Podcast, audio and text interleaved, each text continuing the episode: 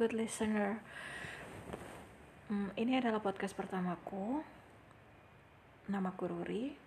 Kalian bisa panggil aku Ruri atau hmm, akhir-akhir ini sih teman-teman suka manggil aku Panda, jadi kalian bolehlah panggil aku Panda.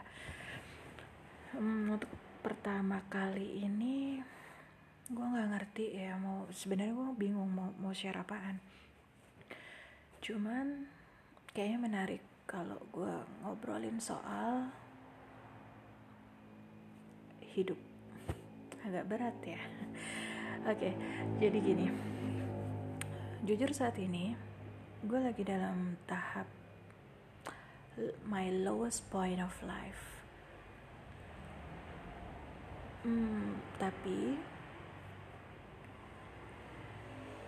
ini bukan pertama kalinya sih gue ngalamin ini uh, jadi udah nggak terlalu kaget. Karena ya kayak orang yang bias yang apa ya ketika lo naik pesawat untuk pertama kalinya begitu land, apa take off gitu kan pasti oh lo nya deg-degan gitu kan ketakutan nggak nyaman. Tapi untuk yang kedua ketiga atau keberapa kalinya mungkin rasa nggak nyaman itu masih ada. Tapi setidaknya uh, lebih lebih baik gitu. Pastinya kamu lebih bisa ngehandle nya dengan baik. Jadi uh, seperti itu juga yang gue rasain saat ini. Dan pada saat berada di titik terendah saat ini Uh, dan buat kamu juga yang sedang mengalami masalah atau berada dalam titik rendah dalam hidup lo, cuman satu sih kuncinya yang selalu aku pegang, yang selalu gue pegang ketika gue berada dalam posisi seperti ini, situasi saat ini, uh, yaitu just enjoy it, gak usah dilawan nggak usah ngerasa nggak usah harus jadi bijak nggak usah harus berusaha tegar no just let it be. Kalau lo mau nangis nangis aja. Lo mau sedih sedih aja. Kalau lo mau sendirian nggak pengen diganggu just obey it. You don't have to force yourself to be happy when you are not happy. It's okay to be not okay, right? So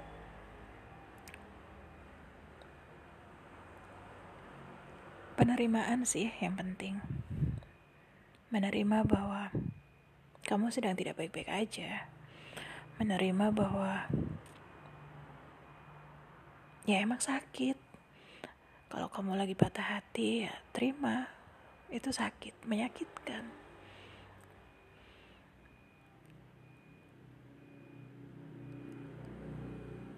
Kalau kamu butuh waktu untuk sendiri, ambillah waktu untuk sendiri. Kalau aku biasanya, uh, aku bisa berhari-hari nggak keluar kamar. Hmm, luckily, gue ngekos, jadi sendirian. Dan ketika gue lagi ya pengen sendiri, gue nggak bakal keluar dari kamar gimana mas kan ya udah keluarnya pas makan doang gitu kan tapi habis itu udah balik like uh, just enjoy to do nothing. And ya kenapa harus memaksakan diri untuk menjadi bahagia? Sedangkan kita merasa kayaknya gue lagi nggak bahagia deh. Jadi ngerasa kayak hipokrit gitu gak sih? Ketika kita nggak bahagia terus tiba-tiba kita harus bahagia atau ketika kita nggak baik-baik aja kita harus berkata ke dunia ke seluruh dunia bahwa kita baik-baik aja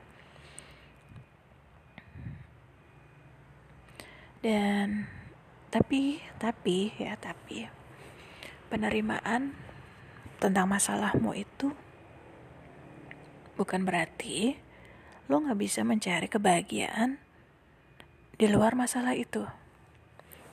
Misalnya, oke, okay, lu lagi sedih karena lu patah hati, misalnya, atau lu lagi sedih karena lu lagi baru aja dipecat dari kerja, atau lu lagi sedih karena lu masih nganggur nggak dapat dapat kerjaan, atau lu lagi sedih karena lu nggak dapat dapat jodoh sedangkan teman-teman lu udah pada nikah. Doesn't mean lu nggak bisa nemuin bahagia untuk hal yang lain. Mungkin kamu sedih untuk hal itu. Tapi kenapa harus fokus dengan hal itu? Kenapa kamu gak mencari misalnya sesuatu yang bisa bikin moodmu lebih baik? Misal, misal ya, misal nih. Karena aku suka dengan Camila Cabello. She's my favorite singer. So, dan karena dia a little bit, uh, not not a little bit, this is one of the singer. No no no. She's the darkest singer that I know. Dia tuh konyol banget orangnya. Sometimes kadang suka yang nggak apa ya benar-benar yang nggak jaim. Sampai kadang tuh suka yang nggak tahu tempat gitu kan dan cara bikin mood gak baik meskipun gue lagi nggak baik itu ya ngelihat interviewnya dia. At least itu ng ngelihat dia di YouTube segala interviewnya dia atau tingkah-tingkah konyolnya dia yang bikin gue ketawa gitu. Ketawa meskipun cuma 5 detik. Trust me. Itu enak banget rasanya. Meskipun seharian lo nangis. Tapi kalau lo bisa ketawa 5 detik itu bahagia. Tapi setelah itu kalau misalnya lu nangis lagi nggak masalah. Nggak masalah. Terima aja dulu. Kalau lu butuh waktu it's okay. Tapi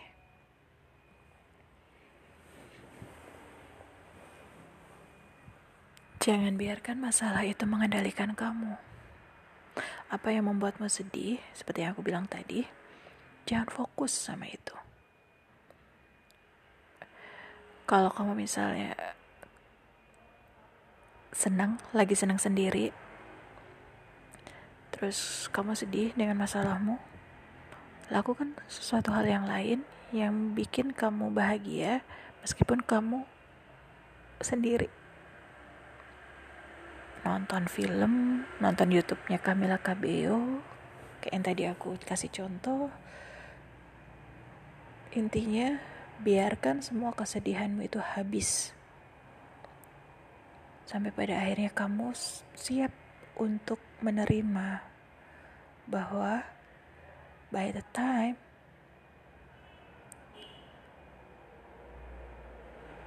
everything gonna be okay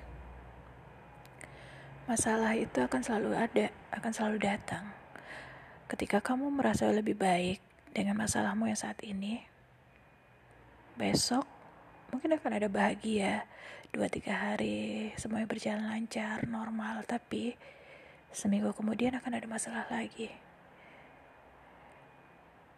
Kita nggak bisa menolak, kita nggak bisa menghindari, kita bisa yang kita bisa lakukan adalah mempersiapkan diri bahwa setiap masalah itu harus dihadapi, bukan untuk dihindari. Jadi buat kalian yang saat ini lagi memiliki beban dalam hidup, kita berada di situasi yang sama. Jadi jangan pernah ngerasa sendiri. Jangan merasa kamu aneh atau kamu berbeda. Karena semua manusia punya masalahnya sendiri. Dan semua manusia memiliki caranya sendiri untuk menjadi lebih baik, merasa lebih baik So, here's the point. Maybe this time you are at your lowest point of your life. Tapi satu hal yang pasti, semua itu akan berlalu. Asalkan kamu gak nyerah. Oke? Okay? Promise me, you will never give up for anything that happen in your life. Karena kita ini pemenang. Kita hidup, kita dilahirkan, itu adalah bukti bahwa kita itu adalah pemenang. Bisa bayangin kan kalian? Ketika kita belum lahir, berapa juta sperma? Kok jadi ngomongin sperma? Oke, ini hanya biar kalian paham aja kenapa gue bilang bahwa kita ini pemenang. Berapa juta sperma yang masuk ke dalam se sel telur, ke dalam sel telur ibumu, sper sperma ayahmu ke dalam se uh, sel telur ibumu. Tidak semua sperma itu bisa berhasil masuk ke dalam sel telur. Dan kamu, kamu adalah satu-satunya yang berhasil berenang dan masuk ke dalam sel telur dan menjadi dirimu saat ini. Itu artinya kamu sudah dipersiapkan sebagai pemenang sejak kamu belum lahir. So, there's nothing to regret. You just need to grateful of your life. And promise me, apa pun yang terjadi dalam hidup, sekali lagi, gue pengen kita, gue, dan lo semua untuk tidak menyerah.